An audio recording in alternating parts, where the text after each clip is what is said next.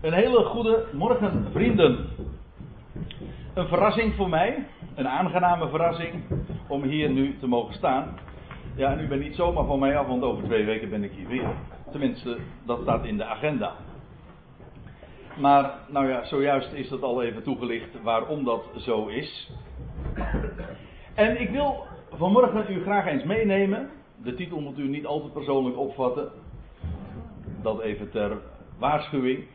Maar ik zal dat zo vanzelf nog wel even toelichten en het wordt vanzelf ook duidelijk waar dat betrekking op heeft. Hoezo gek? En ik wil u meenemen naar een hoofdstuk in het boek Handelingen. Handelingen 26. Maar misschien is het even goed om even te, ons te bepalen bij de situatie, het tijdstip. We spreken zo ongeveer over het jaar 60 van onze jaartelling. Een jaartje meer, een jaartje minder, maar dit is ongeveer het tijdstip dat dit heeft plaatsgevonden. En dat is in Caesarea. Daar gaan we naartoe. En Caesarea, dat ziet u hier op de landkaart. Dit is dus. Oh, hier is. Ja, nou doet u weer. Hij wil eens meer kuren, maar goed. En Caesarea, daar hadden we het dus over. Uh, dit is de landkaart van Israël. En u ziet hier uh, Tel Aviv en hier Haifa, meer van Genezaret. En hier ligt Caesarea. Dat was in de dagen van het Nieuwe Testament een zeer belangrijke stad. Op Jeruzalem na, zelfs de grootste en meest belangwekkende stad. Echt een Romeinse plaats, zoals de naam dat ook suggereert. Want Caesarea, dat betekent keizerlijk. En u ziet hier nog een paar plaatsjes. Als je, als je het land Israël bezoekt, dan is, het, is een bezoek niet compleet wanneer je ook niet hier bent geweest. Direct aan de kust gelegen. En er is nogal wat uh, te vinden aan overblijfselen. Even een situatieschets. Paulus was gevangen genomen in, het, in, de, in Jeruzalem. Hij was daar op bezoek gegaan en daar was een rel ontstaan. Hij was gevangen genomen vanwege een beschuldiging van, van zijn volksgenoten. Tempelontwijding. Hij was eigenlijk een volksverrader. En zo werd hij uh, gevangen genomen. En hij is vervolgens, ook mede uit veiligheidsoverwegingen, verplaatst naar Caesarea. Dus van Jeruzalem is hij overgebracht naar Caesarea. En daar heeft hij twee jaar gevangen gezeten.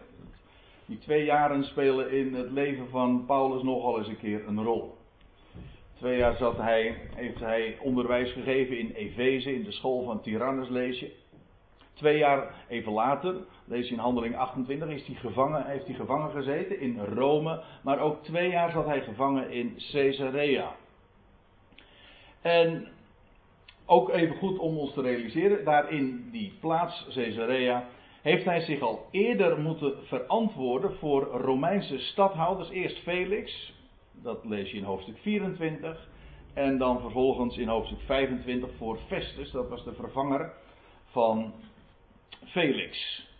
En dan komen we nu dus aan in handelingen 26 en daar bepalen we ons vanmorgen bij. Namelijk het antwoord dat Paulus geeft op de vragen van koning Agrippa. Koning Agrippa was de koning van de Joden. En die was op bezoek gekomen bij deze Festus. En die is daar ook bij. We zullen het straks ook lezen. En Paulus moet zijn verhaal doen. En hij in de eerste versen lees je ook. Misschien is dat nog eventjes goed om dat. Uh, even ook expliciet erbij te zeggen, als je naar die toespraak gaat, want het is pas aan het einde van Handelingen 26 dat we inhaken.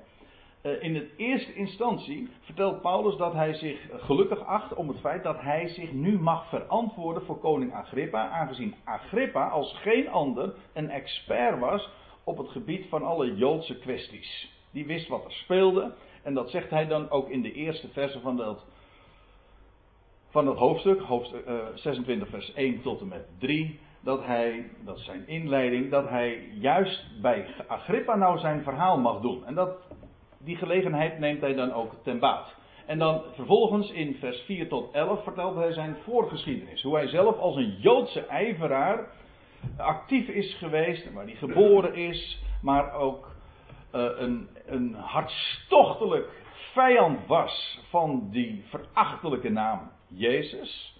En nou ja, hij uh, verhaalt daar uitgebreid van en dan vervolgens in vanaf het twaalfde vers gaat hij, uh, spreekt hij ook uitgebreid hoe hij geroepen werd toen hij op weg was naar Damascus. En hoe een hemels licht hem omscheen.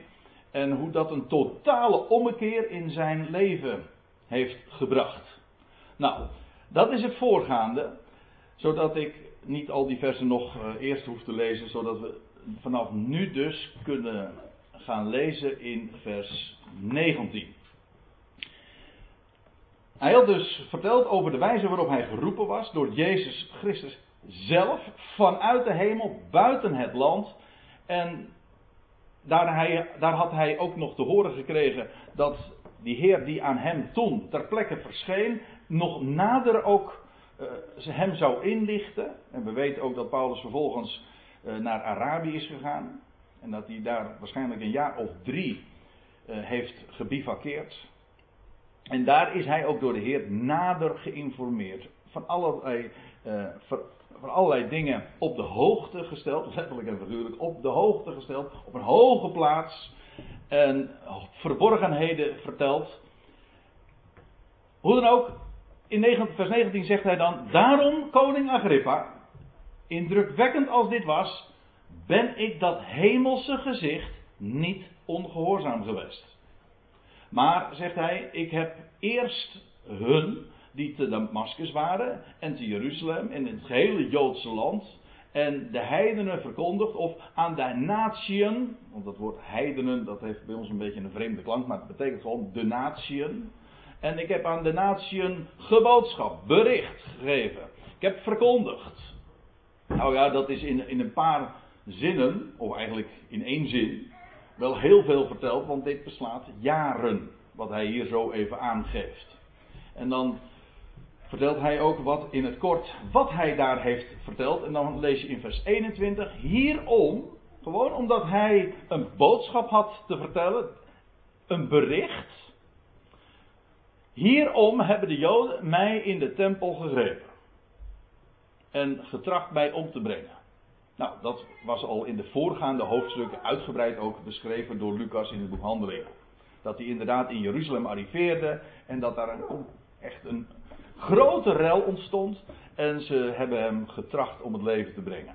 Nou ja, dat was het, de voorgeschiedenis van waarom hij gevangen was genomen, uh, vervolgens in Caesarea terecht was gekomen, daar twee jaar gevangen had gezeten, nou inmiddels al voor verschillende stadhouders een verhaal had gedaan en nu voor koning Agrippa mocht vertellen aan hem speciaal wat zijn verhaal was, ter verdediging. Nou, en dan zegt hij in vers 22, we lezen gewoon even verder. Als een getuige die hulp van God heeft ontvangen, tot op deze dag sta ik dus hier voor klein en voor groot. Dat wil zeggen voor belangrijke, aanzienlijke mensen, grote mensen, maar ook onaanzienlijke. Er waren ook gewone soldaten aanwezig in die zaal waar hij hier zijn verhaal deed. Hij zegt, nu op deze dag sta ik voor God. Uh, ja, sta ik voor klein en groot, maar als een getuige van God. Hij zegt, en ik heb van God kracht ontvangen. Om mijn missie, mijn bediening die ik van hem heb gekregen te volvoeren. En dat is een man geweest hoor. Want ja, hij had nu maar in een, in een paar pennenstreken zo aangegeven wat hij zo al gedaan had. Maar we hebben natuurlijk een heel uitgebreid verslag daarvan in het boek Handelingen, maar ook in zijn brieven vinden we zoveel. En inderdaad, hij was een getuige. Een getuige. Niet iemand die een filosofie bracht. Of een religieuze inzichten, maar een getuige. Het woord getuige betekent gewoon een ooggetuige. Iemand die dingen gezien heeft, meegemaakt heeft, die daar hoogstpersoonlijk getuigenis van af kan leggen. Dat is een juridische term. Zoals je bij een rechtbank komt en getuigenis aflegt van iets wat je hebt gezien. Bijvoorbeeld bij, in geval van een, een misdaad die is gepleegd. Dan ben je een getuige. Wel, Paulus is zo'n getuige. Dat is dus iets heel anders dan iemand die een bepaalde visie verkondigt. Daar ging het helemaal niet om. Hij was een getuige en wel dat getuigenis heeft hij al onbekend gemaakt. Ook niet een wettische boodschap in de zin van dat hij de mensen ging vertellen wat ze moesten doen. Hij vertelde wat er gebeurd was. Wat hij zelfs met eigen ogen gezien heeft. Wat hij vervolgens bevestigd heeft gevonden in de schriften, in de Tenach. Wat wij dan het Oude Testament, de Hebreeuwse Bijbel noemen. Wel, hij stond hier, voor klein en groot. En nu, deze belangrijke plaats, toch wel, mocht hij daar getuigenis van afleggen. En hij zegt, zonder iets anders te zeggen dan wat de profeten en Mozes gesproken hebben, dat geschieden zou. Opmerkelijk dat je hier ook weer bevestigd vindt, het is inderdaad een geschiedenis, een gebeurtenis, iets wat gebeurd is. Wel, daarvan legt Paulus getuigenis af. En dat wat hij vertelde, daar, dat waar hij getuigenis van aflegt, hij zegt, wel, dat is precies datgene waarvan de profeten hebben gesproken en waarvan Mozes al heeft gesproken. Al duizenden jaren tevoren in de schriften was dat vastgelegd. Zwart op wit. Vandaar ook dat Paulus in de synagoge kwam, met name op die plaats natuurlijk. Daar was het erg actueel, want daar kende men de Hebreeuwse Bijbel. Daar, vertelde, daar ging hij gewoon de Bijbel open. Sabbat aan Sabbat, je vindt het op talloze plaatsen in het boek Handelingen. Sabbat op Sabbat ging hij gewoon bladeren. En hij bewees uit de schriften dat Jezus de beloofde Messias is. Hij zegt, ik beweer niks anders dan dat wat er gewoon in hun eigen geschriften, in de geschriften van de Joden, hun heilige geschrift, staat geschreven. Dat was voorzegd, de Messias die zou komen, de Mashiach, de gezalfde, hij is gekomen en wel, het profiel dat we vinden in de, de, de profielschets zeg maar, die we in het Oude Testament daarvan aantreffen, daar beantwoordt Jezus van Nazareth volmaakt aan. En hij die mij geroepen heeft, inmiddels vanaf, vanuit de hemel, wel, hij is het. Het kan niet missen. Hij zegt, ik beweer niks anders dan dat. Dat hem ook nog geheimenissen bekend gemaakt zijn, dat is, dat A speelt dat hier niet, uh, geen rol. Maar bovendien, ook de geheimenissen die Paulus heeft verteld, wel, daarvoor beroept hij zich heel dikwijls op het Oude Testament. Dat wat geheim, wat verborgen was in de schriften. En hij heeft de bedekking weggenomen en hij heeft laten zien. Kijk, daar stond het al. Verborgen, oké, maar niet te min. Dus, ja, dat is wat Paulus hier tegen Agrippa, nee, ja, tegen Agrippa zegt. In het bijzijn van die stadhouder Festus. Zonder iets anders te zeggen dan wat de profeten en Mozes gesproken hebben dat geschieden zou. Namelijk dat de Christus, de Mashiach, zou lijden door zijn volk verworpen zou worden, gedood zou worden, gekruisigd zou worden. Het staat allemaal in de Bijbel.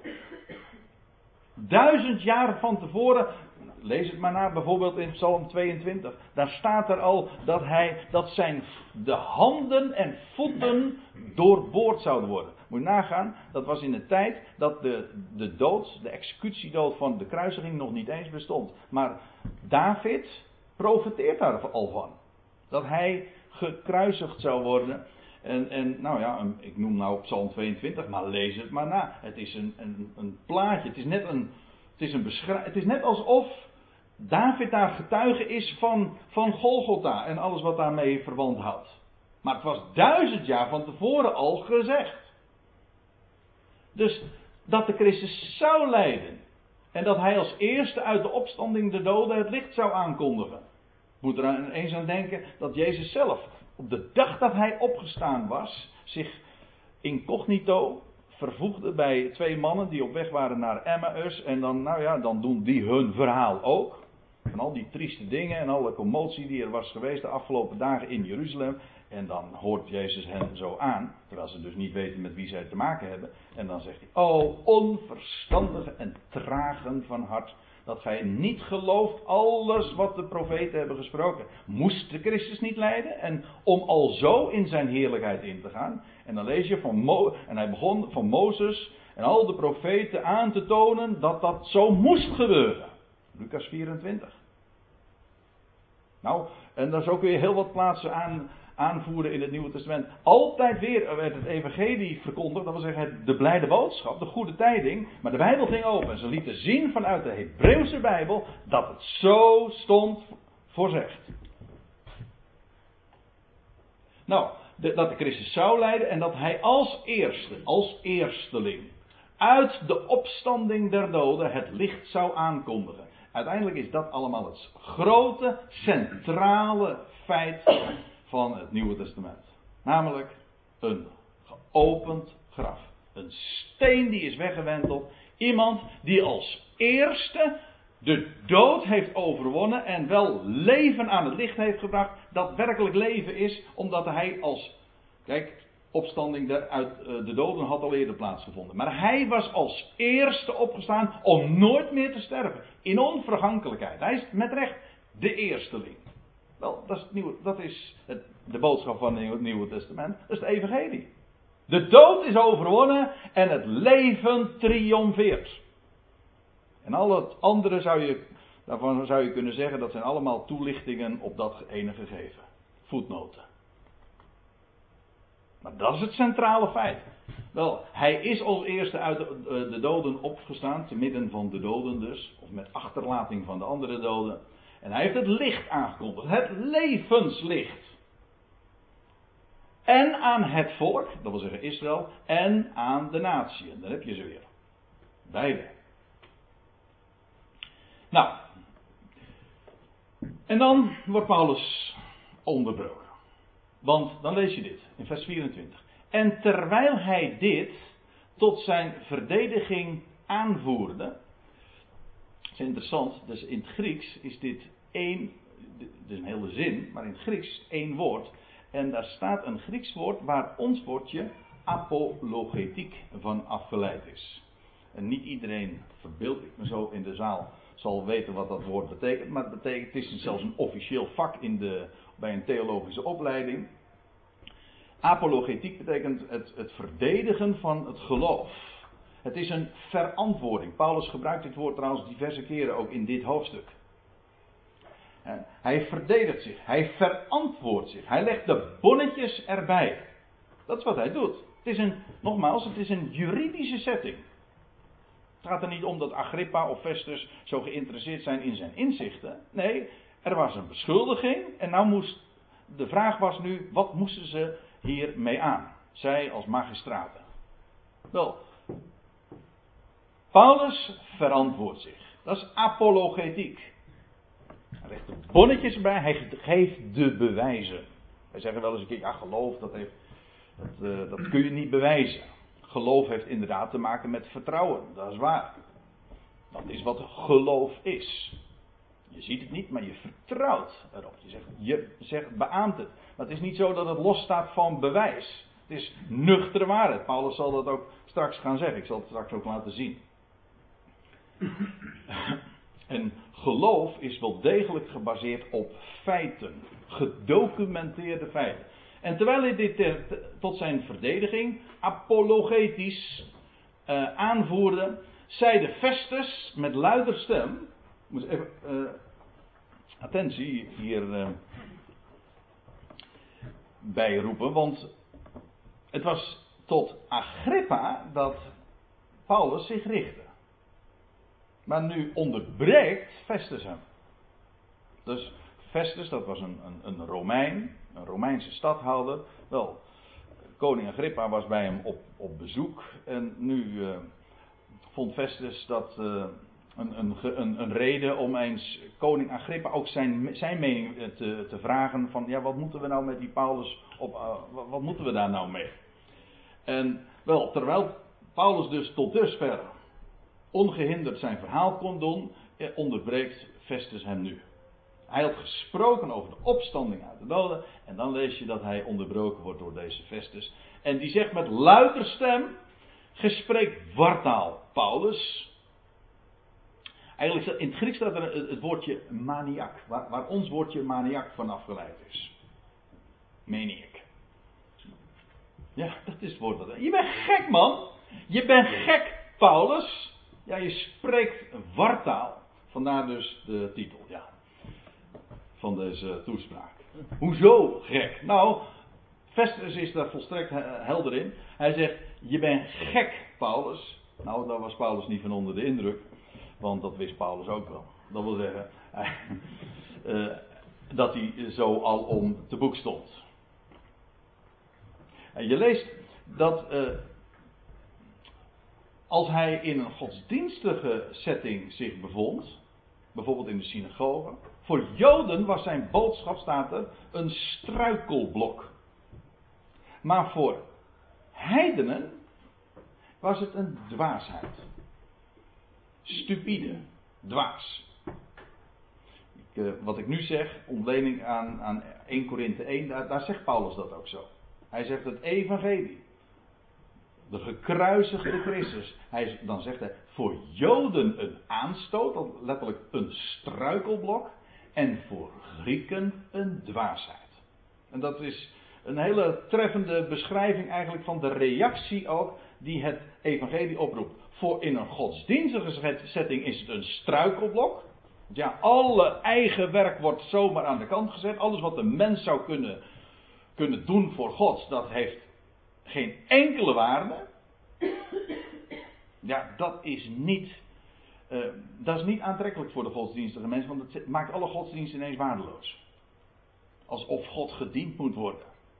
Het is, zo dat God iets aanbiedt aan de mens. Wij hebben niks voor God. Hij vertelt, heeft iets te melden. Dan daar ook, daarom is het ook een bericht. Nou, maar bij de, de die, de, die dus niet vertrouwd zijn met de schrift en zo, is het gewoon een dwaasheid. Dan ben je gewoon een dorpsgek als je vertelt dat er iemand uit een, uit een graf is opgestaan. Dan ben je toch gek? Heb je een ander woord voor? Als je dat gelooft. Dus dat, Paulus kende dat wel. Dus in die zin was het helemaal uh, niet, niet nieuw. Maar let op op de reactie. Goed, dat krijgt hij dus te horen. En, eh, want Festus motiveert het nog nader. Hij zegt, hij zegt, je bent gek. Je bent een maniak, Paulus. En dan uw vele studie brengt u in de war. Kijk, Paulus was een zeer geletterd, een zeer geleerd man. Het is onomstreden. Hij, hij zat ook, uh, ook al, alleen al vanuit zijn Joodse achtergrond. Hij was in het Jodendom had hij een, ja, was hij een zeer veelbelovend. Hij had ook een voeten van Gamaliel. Dat was de rabbi bij uitstek in die dagen. Uh, wel, daar had hij onderwijs van gekregen. Het was dus een, een zeer erudiet, een geleerd man. Maar, maar dat niet alleen, ook van de. In seculier opzicht was hij zeer geleerd. Hij was op de hoogte van de filosofie en van de wetenschap in die dagen. Wel, Festus had dat echt wel in de gaten. In die zin was hij absoluut. Hij realiseerde zich wel dat die Paulus niet op zijn achterhoofd was gevallen. Maar hij, toch zegt hij: Je bent gek. Maar dan zegt hij: Uw vele studie brengt u in de war. De letterlijk, dat studie staat er eigenlijk niet. Er staat het woordje, het, het uh, meervoud voor schrift. De vele schriften de vele schriften uh, brengen je tot. Je, ziet het hier, maniak. Maak je gek. Dat is wat uh, Festus tegen Paulus zegt. En of hij hier nu doelt op de Heilige Schrift, ik vermoed eerlijk gezegd van niet. Want het is Festus die tot hem het woord richt. Een, een heiden met totaal geen, geen joods of godsdienstige achtergrond. Wel, hij zegt de vele schriften waar jij je op beroept en waar jij naar verwijst en waar jij zo goed van op de hoogte bent, bestudeert man, wel, dat maakt je alleen maar gek. Breng je in de war. En luister nou naar de reactie van Paulus. Hij blijft zeer respectvol. Hij realiseert zich dat hij tegenover een zeer uh, hoogstaand gezelschap uh, bevindt. En dan staat er, maar Paulus zeide, hoog edele Festus, ik spreek geen wartaal. Hij zegt, ik ben niet gek. ik ben niet gek, maar hij zegt, ik spreek geen wartaal, maar nuchtere waarheid. Letterlijk staat er, de, de zin is nog wat uitgebreider. Als je een statenvertaling hebt, dan, dan kun je dat ook zien. Letterlijk staat er, ik spreek geen wartaal, maar spreek woorden van waarheid en van gezond verstand. Weliswaar mag het stupide lijken, wat, dat wat ik beweer. Hij zegt, maar A, het is waar. A, hoezo waar? Wel, het is gebaseerd op ooggetuigenverslag. En dat u het niet met uw filosofie, dat, met dat gesloten wereldbeeld waarin God geen rol speelt, dat u dat niet kan verklaren, dat is uw probleem. Maar hij zegt, het is gewoon ooggetuigenverslag. Niet alleen van mij, maar van vele anderen. Ik kom, er straks nog eventjes op terug. Hij zegt, het is nuchtere waarheid, het zijn woorden van waarheid, bovendien van gezond verstand. Dus ik ben, goed, ik ben heel goed bij mijn positieve. Ik heb ze prima op een rijtje. En dat wat ik beweer kan u niet verklaren. Maar dan moet u mij niet tot gek verklaren. Omdat u het niet kan verklaren. Hij zegt, het is nuchtere waarheid. Woorden van waarheid en van gezond verstand. Ja, het woord gezond, gezond van, van bezinning. Woorden van bezinning, van... Ja, gezond verstand lijkt mij eh, het woord wat daar het beste bij past. Want, en nou gaat hij weer zich weer richten tot de koning Agrippa. Tot hem sprak hij de hele tijd. En het was Festus die kennelijk naast Agrippa zat, die hem onderbrak en zegt van, je bent gek. En nou gaat Paulus weer verder. Maar nou spreekt hij opnieuw weer die koning Agrippa aan. Uit die Herodes-familie.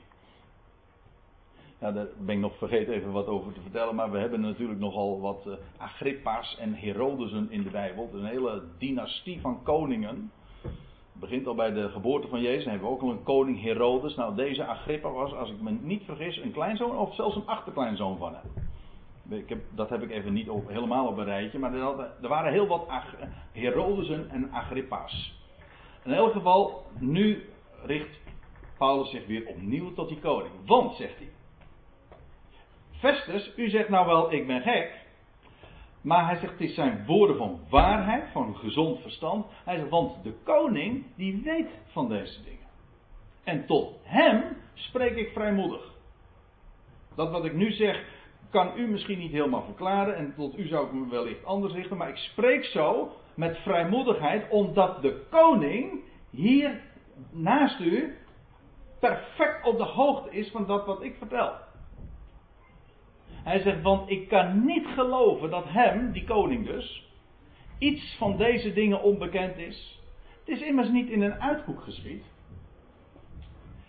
Kijk, en dit is heel boeiend. Dit is echt heel boeiend.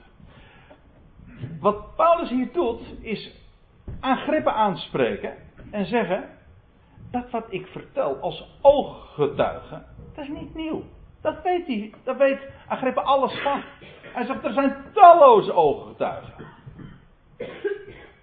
Van tal van wonderlijke gebeurtenissen. In het boek Handelingen worden ze beschreven. Maar vooral ook het centrale getuigenis. Namelijk van de opstanding van Jezus Christus. Wel, van Jezus wisten ze allemaal.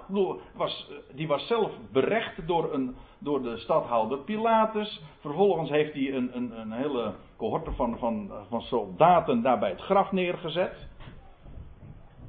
Specifiek graf. Dat bekend was. En dan vervolgens op de derde dag wordt de steen weggewenteld.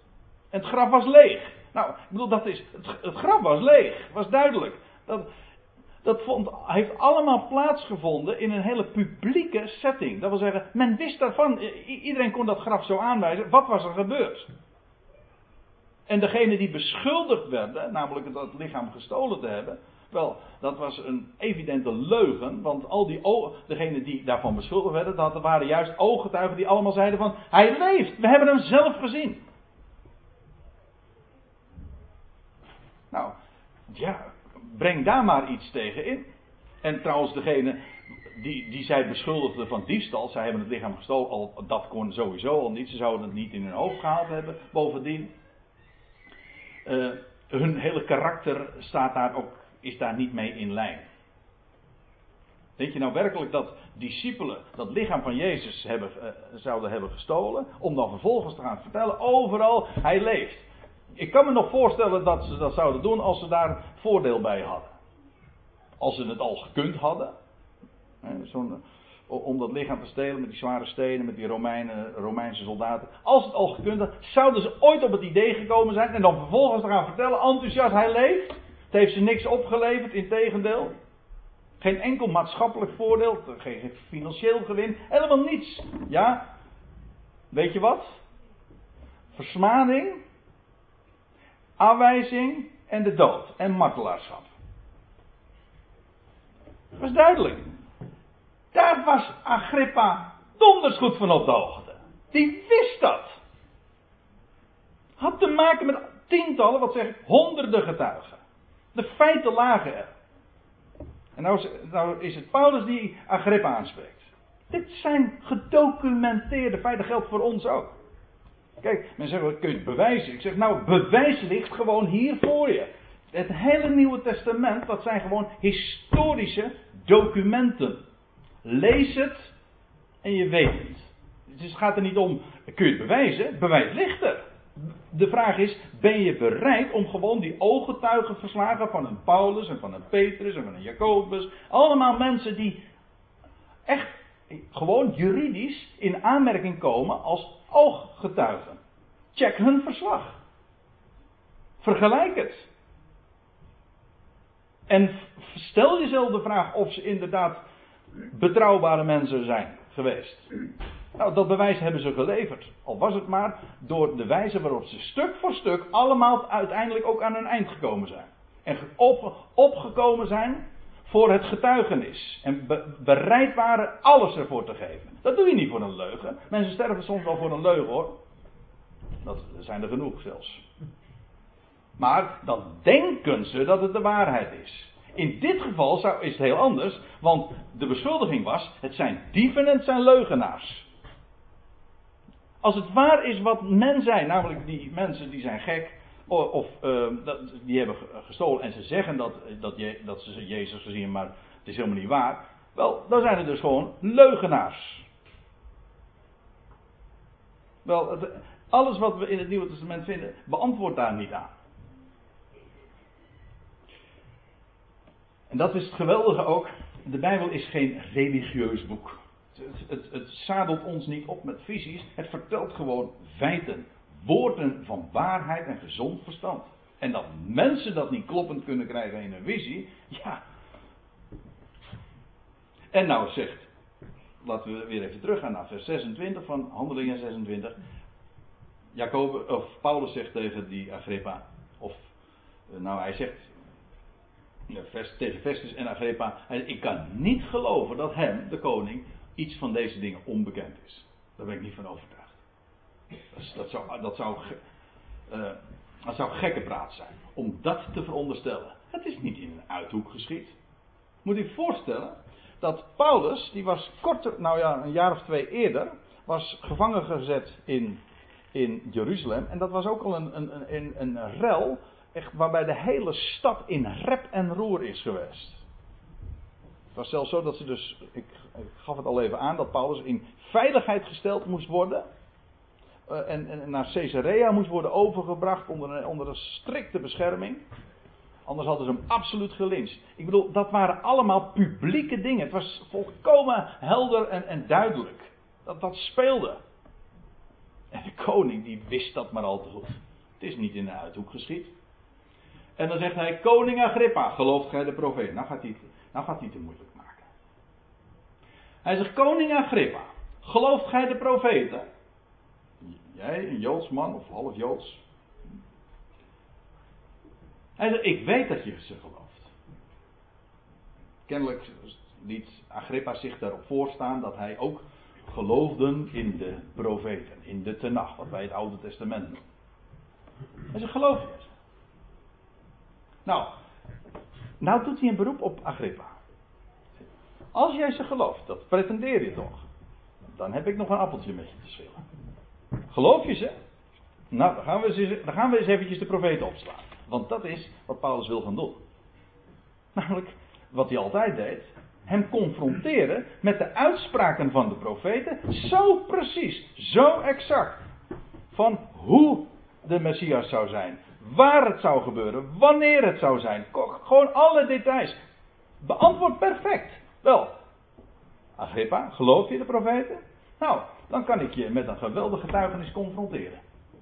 Hij zegt, ik weet dat je ze gelooft. En, nou, maar Agrippa voelt de bui hangen.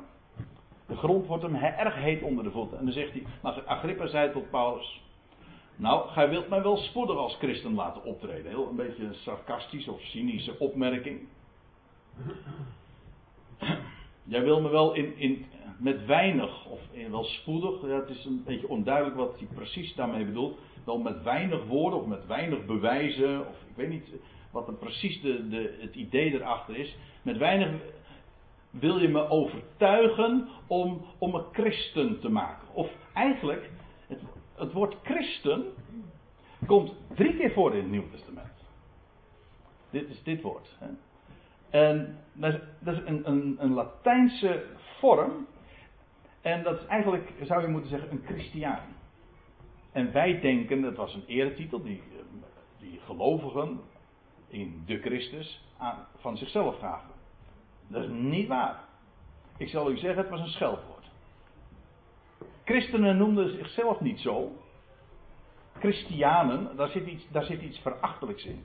Je leest in Handelingen 11 vers 26, daar lees je uh, dat in Antiochië, dat was de plaats waar de discipelen voor het eerst christianen genoemd werden. Genoemd werden, niet zichzelf noemden, de buitenwacht noemden ze zo. Nou, de buitenwacht die noemt je, geeft je meestal geen eretitel.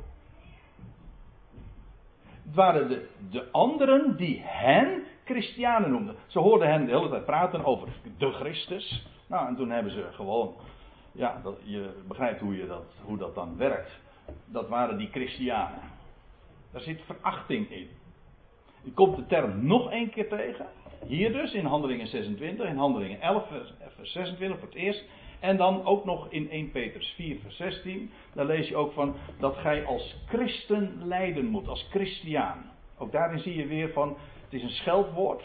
En als christiaan versmaden ze je of uh, maken ze van jou een martelaar. In elk geval, in, in alle drie de gevallen blijkt dat duidelijk. Is het de buitenwacht die hen zo noemt. Zelf deden ze dat niet. Dat het later een geuzennaam is geworden, dat is een ander verhaal. Maar het is een christiaan. Je wil me wel heel snel als een christiaan laten optreden. Nou, zegt Paulus in vers 29. Ik zou God wel willen bidden. Ik zeg, ik zou tot God wensen. Dat en spoedig, eh, dat wil zeggen met, met weinig, en voor God, niet alleen jij of u, maar ook allen die mij heden horen. En die zaal zat kennelijk vol met, uh, met mensen. Niet alleen u, maar ook allen die mij heden horen, ook zo werden als ik. Een christiaan. Dat is wat Paulus zegt. Vind ik een prachtig woord zoals hij dat nu zegt. Hij sluit het ook nog heel erg humoristisch af. Maar even dit. Hij zegt, ik zou wensen dat jullie allemaal, stuk voor stuk, zo waren als ik. Ik heb het beste deel ontvangen. Ik ben zo gelukkig. Ik ben een gelukkig man. Ik ken de waarheid. Ik, heb, ik, ik kan spreken van, van leven, van hoop. En dat niet op grond van een droom, niet 50 jaar, dit jaar 50 jaar geleden dat iemand dat zo riep. I have a dream. Maar dat was niet wat Paulus zei. Not, niet I have a dream. Ik ben getuige, ik heb het gezien. Met mijn eigen ogen. Oh ja, hij is drie dagen later, hij is drie dagen blind geworden. Maar in ieder geval, hij zag dat liggen. Hij heeft het zelf gehoord. Allemaal gedocumenteerd. Ik ben zo enorm blij. Ik zou wensen dat jullie stuk voor stuk dit goede bericht wat ik te melden heb, zouden kennen. Het het mooiste, het heerlijkste wat er is. En ik wens het iedereen toe. Ja, dat is zo, zo werkt dat als je blij met iets bent. Zo gelukkig, als je echt hoop hebt. Getuigenis kan, kan afleggen van, van leven. Dat sterker is dan de dood. Echt hoop kan. Een boodschap van hoop voor deze hele wereld, mensen. Het is toch het rijkste, het grootste wat er is. Ja. Nou ja, er zit wel één maar aan. Daar moet ik in dit geval wel bij zeggen. En dat is, het wordt je lang niet altijd in dank afgenomen. En Paulus uh, was daar in dit geval zelf een voorbeeld van. Hij zegt, uh, uit, dat, dat, daar, daar refereert hij ook aan. Uitgezonderd deze boeien. Dat wil zeggen, ik wou dat jullie allemaal waren zoals ik, maar dan liefst zonder boeien. Dat dan wel. Want dat wens ik niemand toe. Ik wens jullie mijn geluk en alles wat ik mag weten en mag kennen, maar van getuigenis mag afleggen. Ik wens het jullie stuk voor stuk allemaal toe. Maar dit, die boeien, nee, dat niet. Want Paulus heeft kwaad geleden. Je leest, daarmee wil ik afsluiten, want ja, de, de, de geschiedenis in Handelingen 26 wordt nog een paar versen voortgezet. Want de, de toespraak wordt nu afgebroken van Paulus. Want en Festus en Agrippa gaan in conclaaf en ze, ze handelen het allemaal af. Waarschijnlijk ook omdat het Agrippa nu te moeilijk gemaakt werd. Maar Paulus heeft hier zo geweldig verantwoording mogen afleggen van dat wat hij wist. Goed, hij wordt weer afgevoerd. Maar even dit. Dit zijn zijn laatste woorden. Hij wou, ik wou dat jullie allemaal stuk voor stuk waren als ik, maar dan zonder deze boeien. Is later in, in een brief, als Paulus inmiddels in Rome is gekomen, eigenlijk allemaal naar aanleiding van deze gebeurtenissen. Hij was een gevangene, hij is, hij is nog in vrijlating gekomen, dat wel. Maar uiteindelijk, eh, nou we weten wat er met Paulus uiteindelijk ook gebeurd is. In de laatste brief die hij geschreven heeft, en noemt het wel zijn geestelijk testament, 2 Timotheus. Dat was, je leest in, in het vierde hoofdstuk van deze brief, waarin hij zich tot zijn jonge medewerker Timotheus richt. En dan lees je dat hij zegt, het tijdstip van mijn verscheiden staat voor de deur. Ik word, ik word al bijna geofferd, zegt hij, even met mijn eigen woorden. Hij zou binnenkort worden omgebracht. Hoe, weten we niet, maar in ieder geval zou hij de marteldood sterven. Het is een, een hele aandoenlijke brief. Maar Paulus is alles behalve pessimistisch. Integendeel. Nou ja, in bepaalde opzichten wel. Want hij spreekt over ontwikkelingen in de christenheid. Dat zou, uh, dat zou er niet beter op worden. Komt de tijd dat men de gezonde leer niet meer verdraagt. Hij, hij waarschuwt Timotheus. Maar toch, zo'n vitale, levenskrachtig woord als hierin klinkt. En dan zegt hij in die brief dus: Gedenk Jezus Christus, uit de doden opgewekt. Al eerder gaf ik aan, dat is de boodschap. De dood is overwonnen. Sterker, uiteindelijk zal de dood worden teniet gedaan. Dan is er geen dood meer en dan leven alle. Wel, gedenk die Jezus Christus, de eersteling, uit de doden opgewekt. Uit het zaad van David. Dat was immers wat hij was, de Messias, die voortkwam uit het huis van David. Dat was ook voorzegd. Dat was een van de, de, de Messias, die zou een geslachtsregister hebben. Dat wil zeggen, hij zou zijn stamboom kunnen terugvoeren tot niemand minder dan koning David. Wel, dat is Jezus. Dat is allemaal aantoonbaar. Gewoon historische documenten. Gedenk Jezus Christus uit de doden opgewekt, uit het zaad van David. Ziet u dat dit allemaal gewoon feiten zijn? Controleerbare feiten. En zegt Paulus, naar mijn evangelie. Dat is wat ik mag vertellen. Waarvoor ik kwaad leid en zelfs boeien draag als een misdadiger. Moet je nagaan. Zo'n goud eerlijke man. Die gewoon de waarheid vertelt. Maar de waarheid wordt in een boze aion. Peter gaf het in zijn gebed al even aan. Er gebeuren hele mooie dingen in deze wereld, en in, soms in je leven. Maar in het algemeen laten we wel wezen, we leven in een boze aion waar de waarheid stelselmatig, systematisch ook verdraaid is. En daarmee tot een leugen wordt gemaakt. En als je opkomt voor de waarheid, is dit je lot. Nou, we leven vandaag echt in hele gunstige omstandigheden. Gisteravond had ik nog een heel gesprek met Petra erover. Heel gesprek met Petra daarover. Hoe. Ja, we leven in een tolerante werelddeel. Waar je eigenlijk zoveel mag zeggen.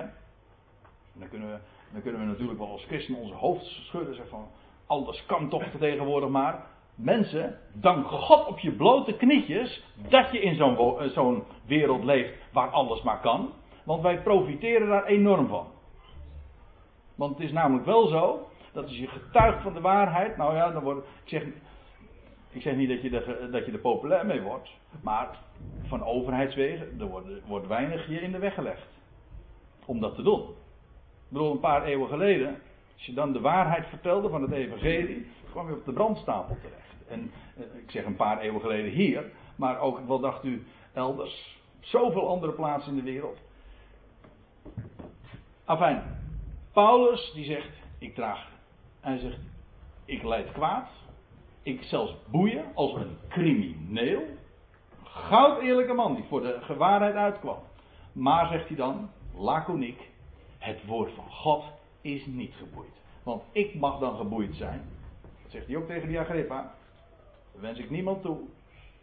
Maar ook mijn boeien draagt slechts bij aan de verbreiding van het woord. Waarom? Wel, het woord van God is niet geboeid. Dat laat zich niet binden. Dat doet altijd zijn werk. En zelfs tegenstand tegen het woord kan juist bijdragen aan de verkondiging van het woord. Dus daar hoef je je nooit druk over te maken over die tegenstand, want het draagt altijd bij. Het woord van God is levend, het is krachtig, het is niet geboeid. Het is wel boeiend, maar het maakt ook vrij. Maar dat is wat. Uh, cryptisch natuurlijk gezegd, maar het is wel bij de waar. Het woord van God is niet geboeid. Daar komen we vooruit. Het is geweldig om, uh, om deze dingen te bedenken.